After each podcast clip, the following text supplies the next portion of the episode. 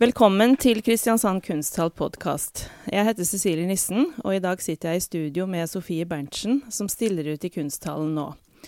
Sofie Berntsen bor og arbeider i Oslo. Hun er utdannet ved École Supérieure d'Art Graphique og Parsons School of Design i Paris, i tillegg til School of Visual Arts i New York. Hun har deltatt på en mengde gruppeutstillinger i Norge og utlandet, og har bl.a. tatt separatutstillinger ved Kunstnernes hus, Galleriet 15, Akershus Kunstsenter, Munch-museet og Nasjonalmuseet. Og hun er også tilknyttet galleriet OSL Contemporary i Oslo.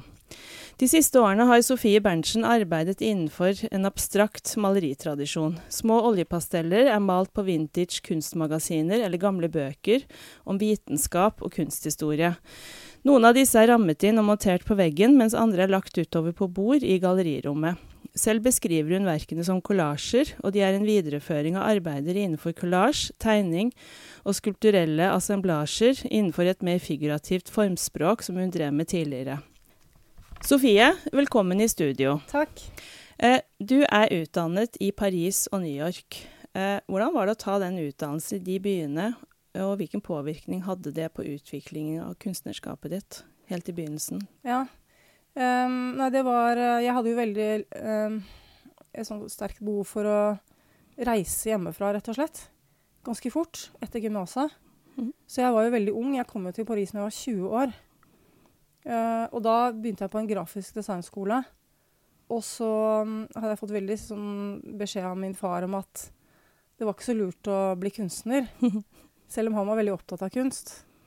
Men han mente at uh, jeg uansett aldri kom til å få det til. Nei. Så um, var det en venninne som uh, fikk meg over på For den franske skolen var så utrolig nazi, så jeg um, begynte på Parsons School of Design. Ja. Og da bare begynte jeg på fine arts med en gang. Mm. Det var helt naturlig. Mm. Det var det jeg hadde alltid hadde hatt lyst til, egentlig. Mm. Fra jeg var ganske ung. Ja, ikke sant? Så, og jeg um, syns egentlig det var veldig fint å ta utdannelse på den skolen, fordi den var knyttet opp til det amerikanske universitetet. Ja. Så vi fikk um, Vi måtte ta fag, altså kunsthistorie, comparative literature og ja. Så det var egentlig film. en ganske annerledes uh, type utdannelse enn det som uh, var her, da? Ja. Så vi hadde et siste år hvor vi var helt fri, hvor vi ikke fikk veiledning, eller altså litt sånn som Mm. akademi, men det var bare ett år. Mm. Uh, mens de to først, tre første årene var uh, på en måte mer Altså at du hadde forskjellige typer uh, fag, da, på en Ja. måte. Ikke sant? Og så var det jo veldig fint å kunne bo i Paris, syns jeg, fordi du fikk jo Altså, vi var jo på Louvre hver uke, Ja. og vi hadde jo en sånn kort som vi kunne gå inn, bakinngangen til Louvre. ja. Um, Men var dere hadde sånn der at dere tegna og sånt? Nei. Eller, nei, dere gjorde ikke det? vi var vel Jo, det gjorde vi faktisk, men det var helt i begynnelsen. Ja. Men nei, det var kunsthistorie. Ja. Så vi fikk jo Og disse lærerne, kunsthistoriske lærerne, de var jo sånne eh, utrolig dyktige. De hadde tatt utdannelse på Oxford, var Mm. halvt tysk, halvt italiensk. Og hadde vært liksom Hun ene hadde jo vært uh, en av de første i Lascaux-hulen. ja. Og vi dro jo på tur til Firenze og rundt omkring og Ja. så renessanse, for eksempel. Re- Mm. Når vi hadde renessanse, så dro vi til Firenze. Mm. Så vi fikk jo utrolig mye lærdom, da. Ja. Det høres ut som en skikkelig sånn solid uh, Ja, det var veldig solid, og det var veldig høyt nivå. ja. Så bra. Og det var veldig, jeg skjønte fort at For jeg var jo egentlig en veldig sånn lesehest når jeg var ung, Mm. og leste veldig mye bøker og sånn. Mm. Men jeg skjønte at uh, Jeg skjønte at uh, um, de andre studentene var på et helt annet nivå enn meg allikevel. Mm. De amerikanske studentene var De kunne utrolig mye. Og hadde lest utrolig mye. Og de diskuterte dette på et veldig høyt nivå. Mm. Så jeg følte meg rett og slett litt dum. Mhm.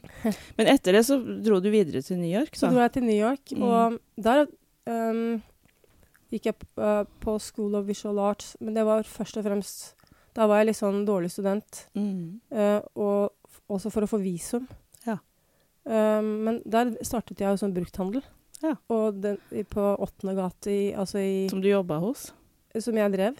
Ja, du startet brukthandel, ja? Ja. Ja, OK. Ja. Og så hadde jeg loft, altså eh, atelier Ja. i Williamsburg, Ja. i et loft uh, Det samme loftet som Basquiat hadde bodd i. ja, kult. Ja. Ja. Så. ja. Så det var veldig, veldig kult, da, jeg. Det var nesten eh, Jeg syns New York var mye kulere enn Paris.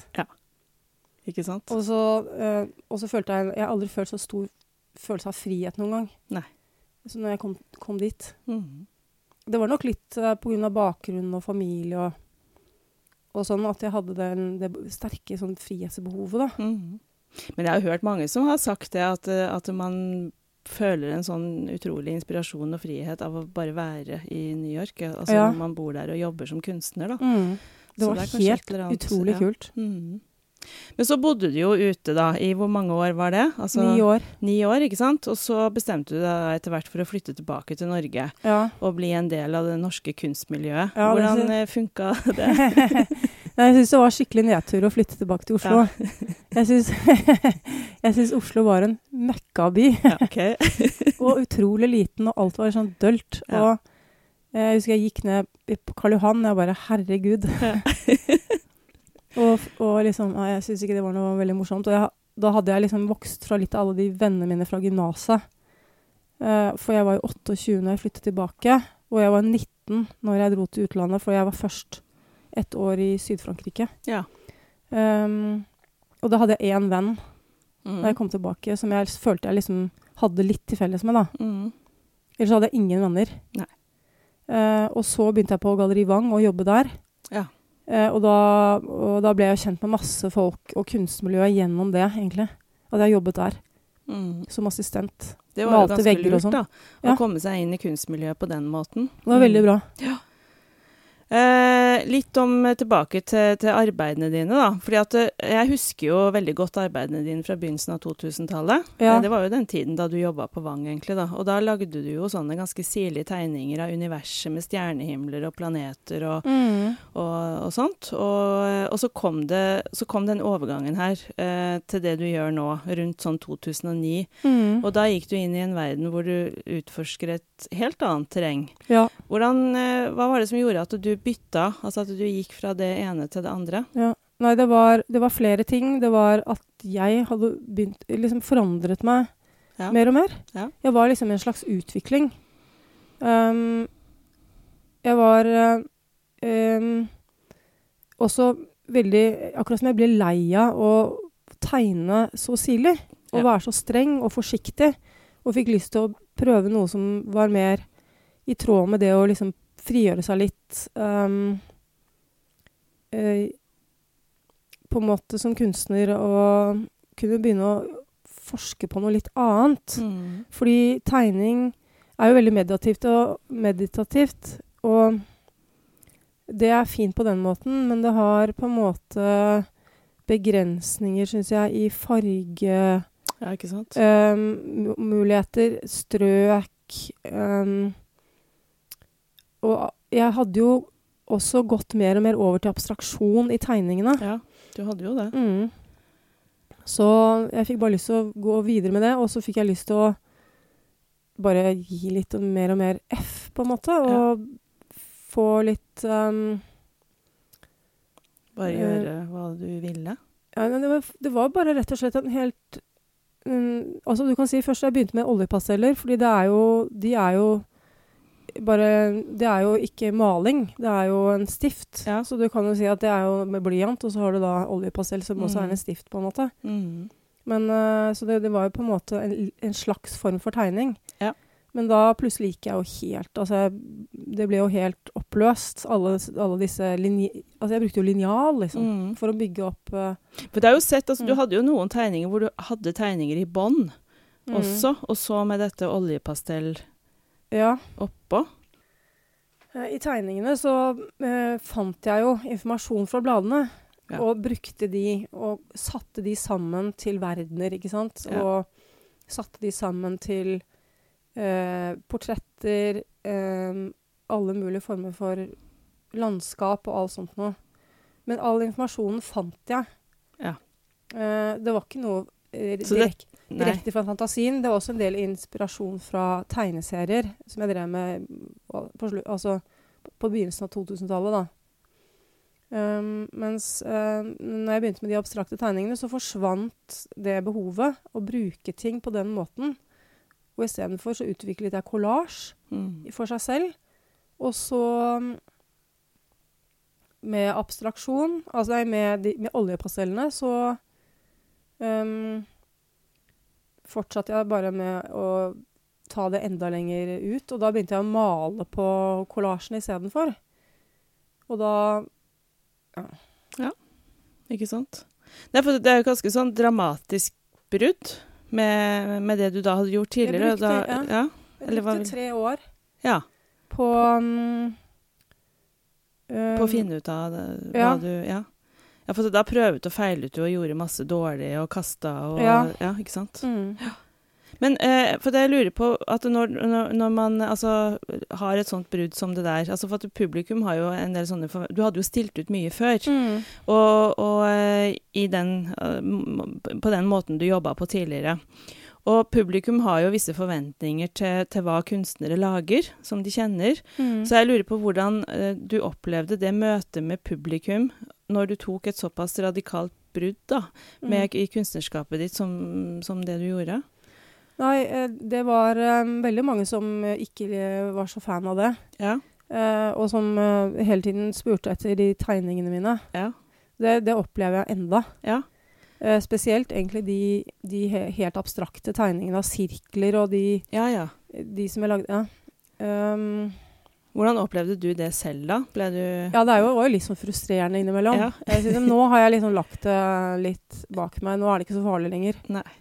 Um, men jeg var veldig sånn Det var akkurat som jeg hadde et behov. Ja. Og det tenker jeg Og så skjønte jeg at det behovet må jeg følge. Fordi det kom innifra. Og jeg tror at kunst uh, for meg handler jo om det at du skal prøve å, å, å ta det fra deg selv innifra. Mm. Og ikke prøve å være sånn copycat, hvor du prøver å gjøre noe kult for hva andre kommer til å synes er kult, eller prøver å lage kunst for å tilfredsstille noen. Det er, det er, jo fordi du, det er jo din egen prosess, dette Ja. her. Ja.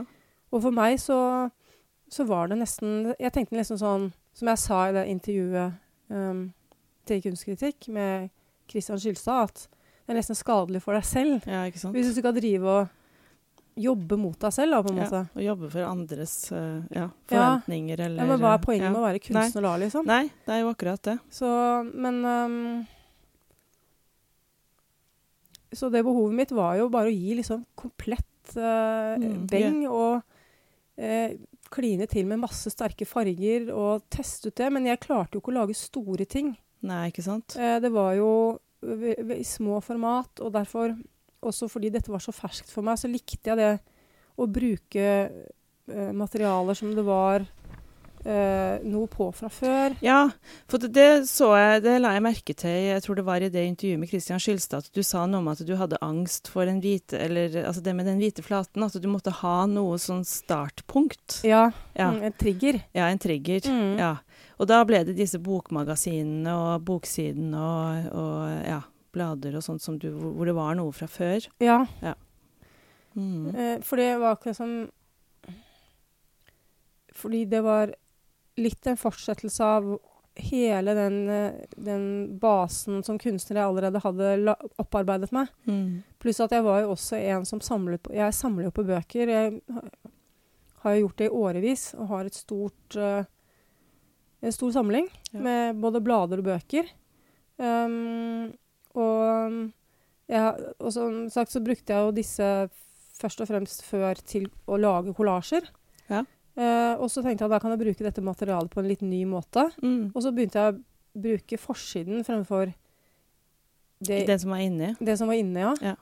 Eh, og så fikk jeg bare behov for å male på det, for å skape liksom noe nytt og rense opp liksom noe, på en måte. Ja. En, en, en visuell verden da, som vi hele tiden blir møtt med overalt. Av, um, av også eh, egentlig kanskje nå egentlig en litt svunnen visuell verden, fordi det er ikke så mye man forholder seg til blader og Nei, nå i dag, nei. Nei, det Nei, er kanskje mer ikke. Ja. i samme grad. Og sånn som eh, Jeg snakket med jeg husker jeg snakket med dette med Elise Storsveen om den liksom nesten sånn fetisjisme i forhold til det trykkete materialet. Ja. Og at um, eh, blader og altså National Geographic, alle mulige sånne type trykkete ting, som er så utrolig flotte, Mm. fra ja, nesten fra det begynte da, frem til 1990, så er det et, liksom et um, Da var det slutt på den, den kvaliteten. Ja. De sluttet å trykke på den måten, og så kom det digitale trykket, og du får ikke Du har ikke blad... Det er ikke den samme. Så vi, og det, jeg syns National Geographic er egentlig det beste eksempelet, for det er helt fantastisk kvalitet på de Mm. gamle bladene de har. Um, Men er dette Altså, for at i de, i de tidligere arbeidene dine så øhm, Altså, du er jo utdanna på 90-tallet, og det var jo midt i den der konseptuelle eh, Ja. perioden, da.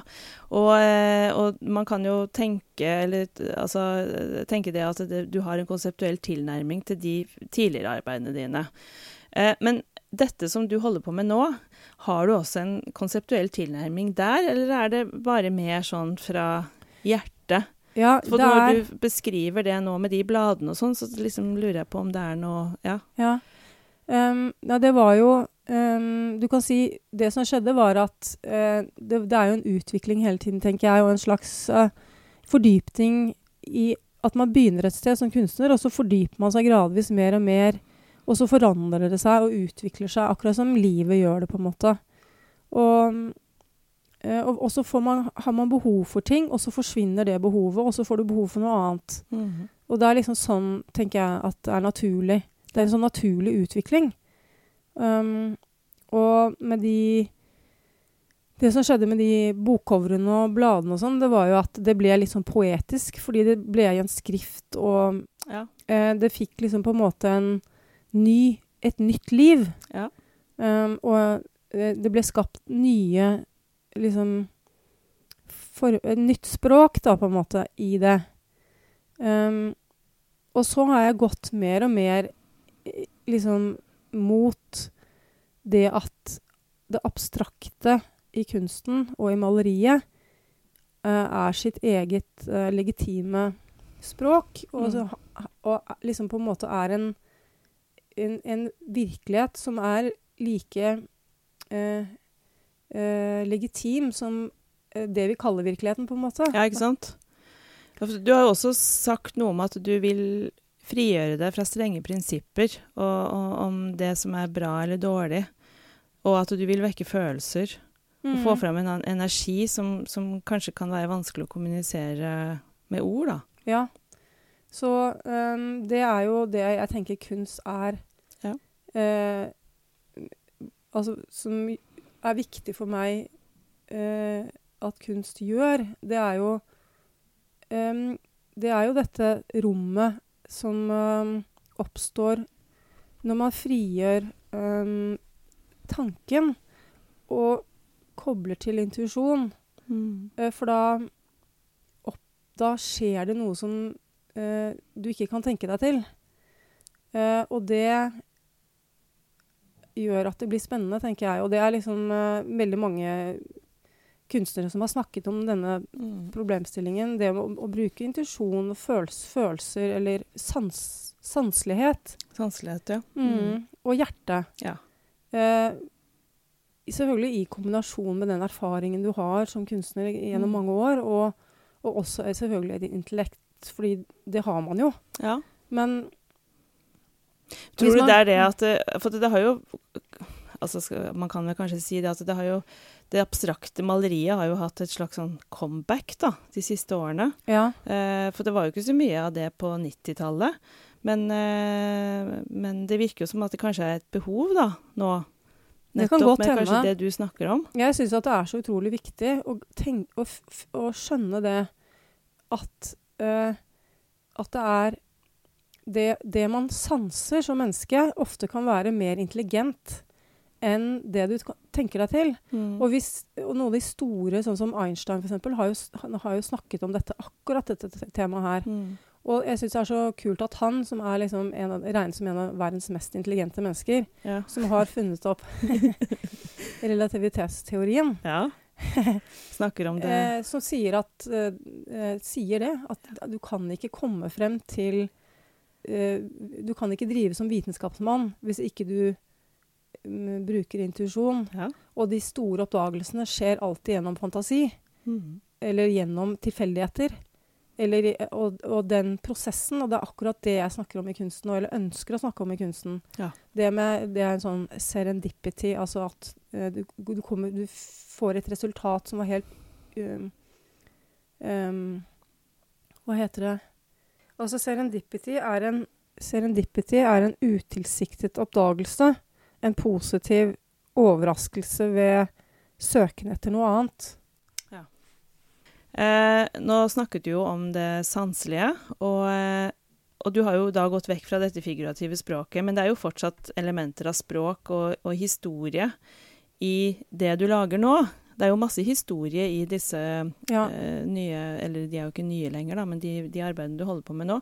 Syns du at det er Altså, når, når du jobber med det abstrakte kontra det figurative, uh, handler det om det samme, eller er de to tingene i konflikt på, med hverandre på noen måte, eller, eller tenker du likt? Uh, jeg syns det er litt forskjellig, og så er det litt likt. Det er på en måte begge deler. Fordi jeg legger merke til nå når jeg har kommet dypere inn i, i teknikken med å opparbeide en abstrakt uh, billedflate, da, eller en, en komposisjon. Så i hvert fall i de mindre arbeidene som jeg liksom nå begynner virkelig å få litt sånn teken på, på en måte. For det tar jo litt tid, det også, å finne ut hvordan man skal få laget de.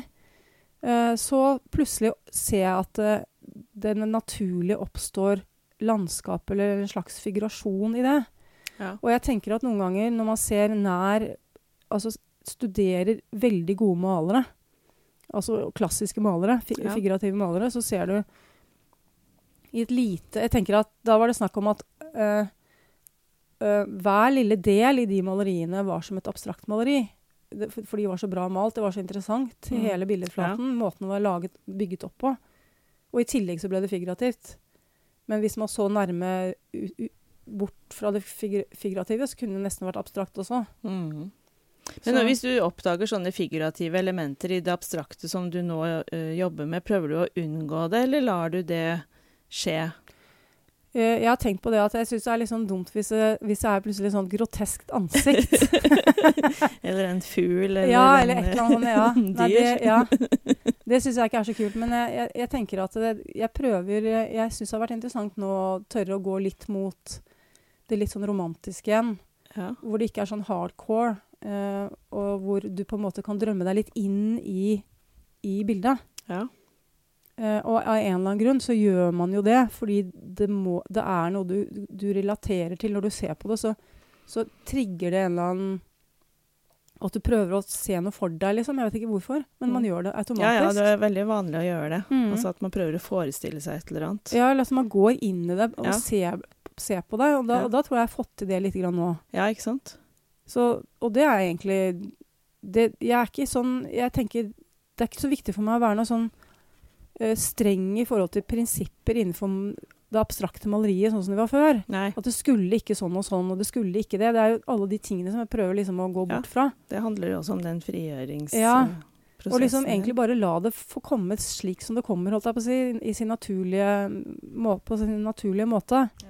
Og at jeg kan ikke gjøre det annerledes nå. Kanskje jeg kan gjøre det annerledes om et år eller to. Mm. Nå, og nå har jeg i hvert fall funnet ut hvordan jeg skal lage litt større arbeider. Jeg tenker på den måten, eh, altså den måten du jobber på, som er sånn spontan, eh, og, eh, og, og som ser ut sånn som det du lager nå. Det er jo litt altså folk som ikke driver med kunst. De kan jo feiltolke dette her til å tro at dette er veldig lett. Ja. Vi har jo sånne utsagn med at Ja. dette kunne sønnen min på fem ha gjort og sånn, ikke sant? ja. Kan ikke du si noe om den arbeidsprosessen? Altså, hva, hva er det som skjer når du, altså, underveis når du jobber? Hvordan er en arbeidsdag? Hvordan går den? Hvordan lykkes du i et verk? Mm. Ja, det, det er jo eh, Det er veldig på dagsformen. Ja. Så eh, for meg så har det vært veldig sånn eh, påfallende hvordan jeg merker at den ene dagen så er jeg litt sånn stiv og litt sånn Hvis jeg er litt sånn dårlig humør og litt sånn, har litt sånn lav på energi, så, og, og så, så begynner jeg å tenke meg til alt. Da skal, Ja. alt liksom, da skal jeg kontrollere det. Og så tenker jeg at hvis jeg gjør det sånn og sånn, og bare tar den fargen, og gjør det sånn, så blir det bra. og så blir det alltid helt jævlig dårlig. Ja. Men hvis jeg kommer og har liksom den derre Er liksom i, i um, in the mode, holdt jeg på å si, Ja. eh, så blir det Plutselig kan det oppstå noe veldig bra. Mm. Og det skjer egentlig sånn når det bare Når jeg, ikke, når jeg kobler ut eh, tanken mm. og er i det ja. Kom inn, Det er liksom alle disse klassiske tingene som Ja. har snakket om, som er som musikere snakker Ja, om, ja, til og med forfattere. Virginia Woolf har jo sagt Ja, ja. akkurat det samme om at man skal komme liksom Man skal være i ett med blyanten sin, Ja, ja, nei, ja. ja, pennen sin, da. At det skal være hver fiber av deg skal være i skriften, liksom, har hun snakket om. Ja. Uh, så mm, det er den følelsen, og det er en utrolig kul følelse. Ja. Uh, og så selvfølgelig så er det da at eh, du For å få til denne lettheten Altså, da må du lage mange, mange og kaste mange arbeider. Og så plutselig så er det en som har akkurat den lettheten. Og allikevel hvor komposisjon og alt er sånn som stemmer det, det bare sitter, liksom. Det, det, er, det fungerer bra. Og det er utrolig vanskelig å få til. Det er ikke noe annet å si, liksom. Nei, det er jo ikke det. Altså hvis, jeg skal, hvis jeg skal prøve Jeg kan også f.eks. sette meg ned og tegne bare sånn helt fritt, uten å ha noe intensjon. eh, uten å ville noe. Sånn, hvis jeg skal Sånn som helt på begynnelsen, før jeg kom inn i det, da. For man må komme inn i det. Det er som Jeg tenker det er som liksom jeg, Nå har jeg aldri født et barn, da, men jeg tenker det er liksom å føde et barn. Så, det er så vondt å komme inn i kunsten det skal så mye til. Du går liksom i ukevis. For min del så har det tatt to år før jeg kom inn i det igjen.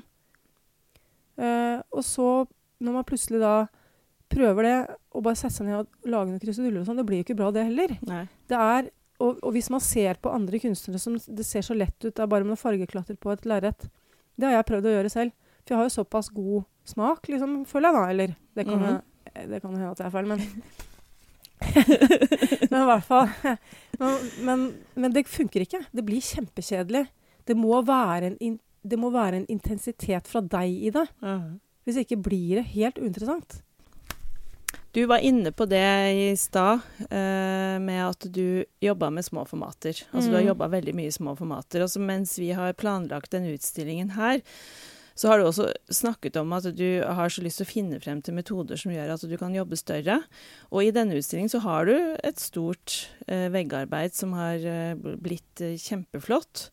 Og eh, Betyr det at du nå har funnet en metode som, som du tror at du kan jobbe videre på i større formater? Ja, Ja. absolutt.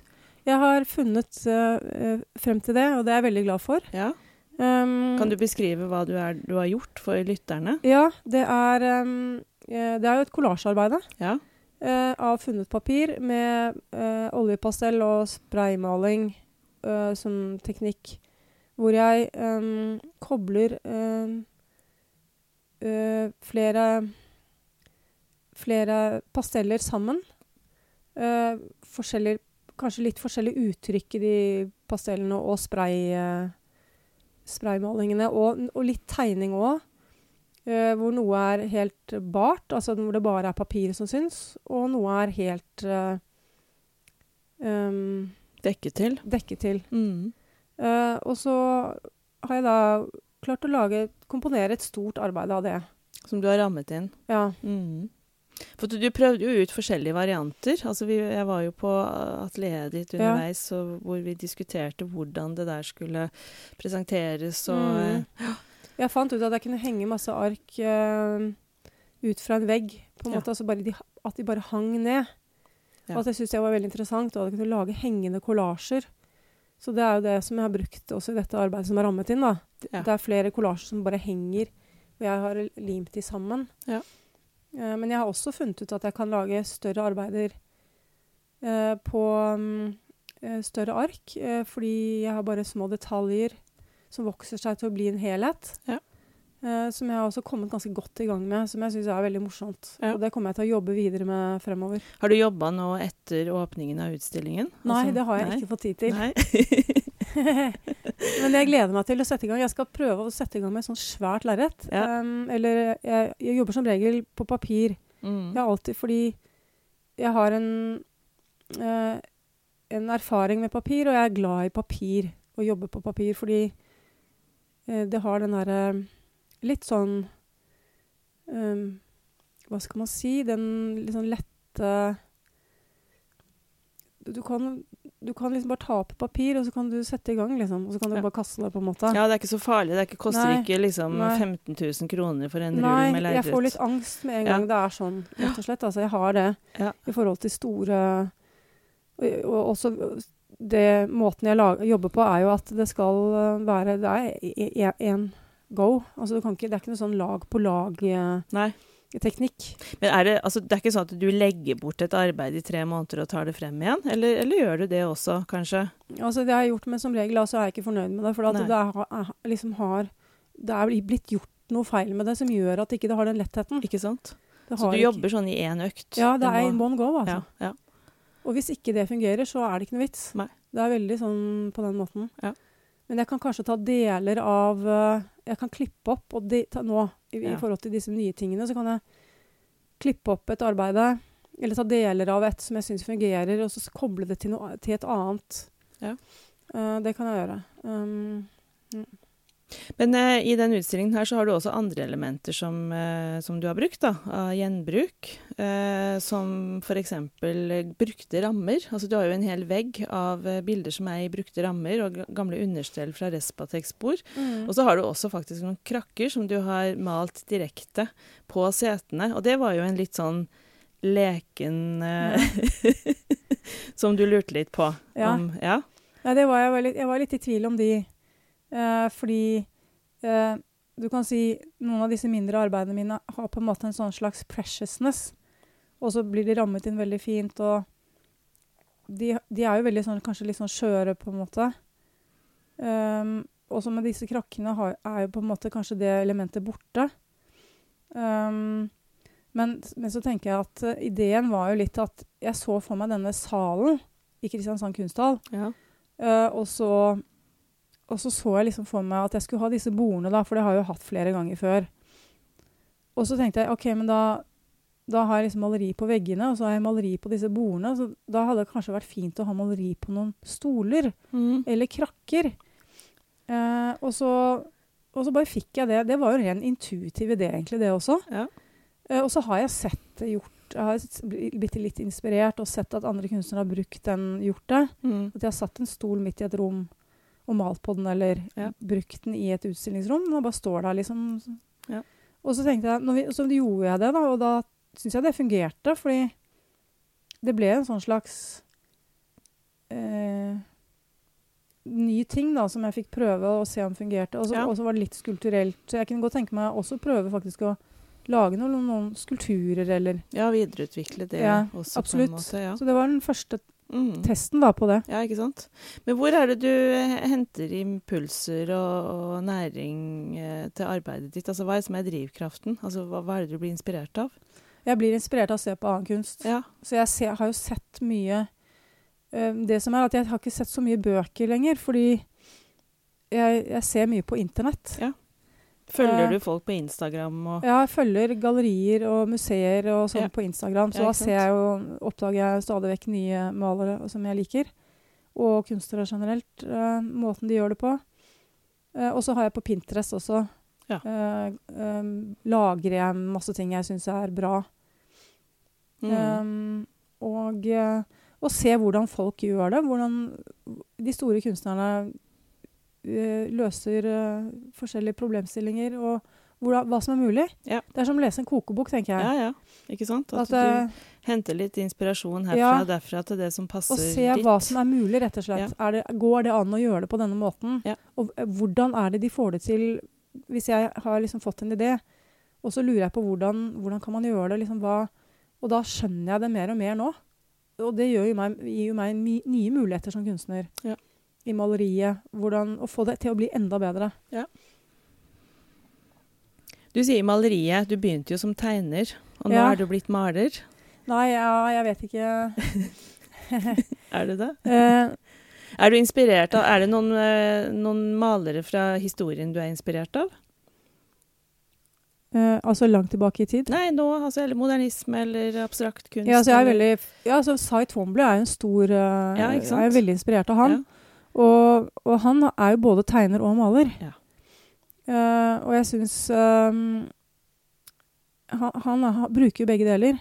Ja. Og så tenker jeg sånn som han er veldig unge nå, som er overalt. Men jeg synes jo flere Jeg liker noe av, noen av hans arbeider. Oscar Murillo. Ja. Hvor han kombinerer også tegning og maleri sammen. Og kollasjearbeider sammen. Mm. Uh, det er noe sånn veldig sånn uh, demokratisk i det, tenker jeg. Ja. Og noe humant Ja. ved, ved det ønsket om eh, liksom at kunst At, at det språket, den, det helt enkle i, i maleri og tegning og abstraksjon, er egentlig ganske humant, har jeg tenkt. Ja, det syns jeg var en veldig fin avslutning på denne samtalen. Eh, Så tusen takk, Sofie. Det var veldig hyggelig å ha deg i studio. Og eh, jeg er veldig glad for at du ville komme her og lage en så flott utstilling hos oss.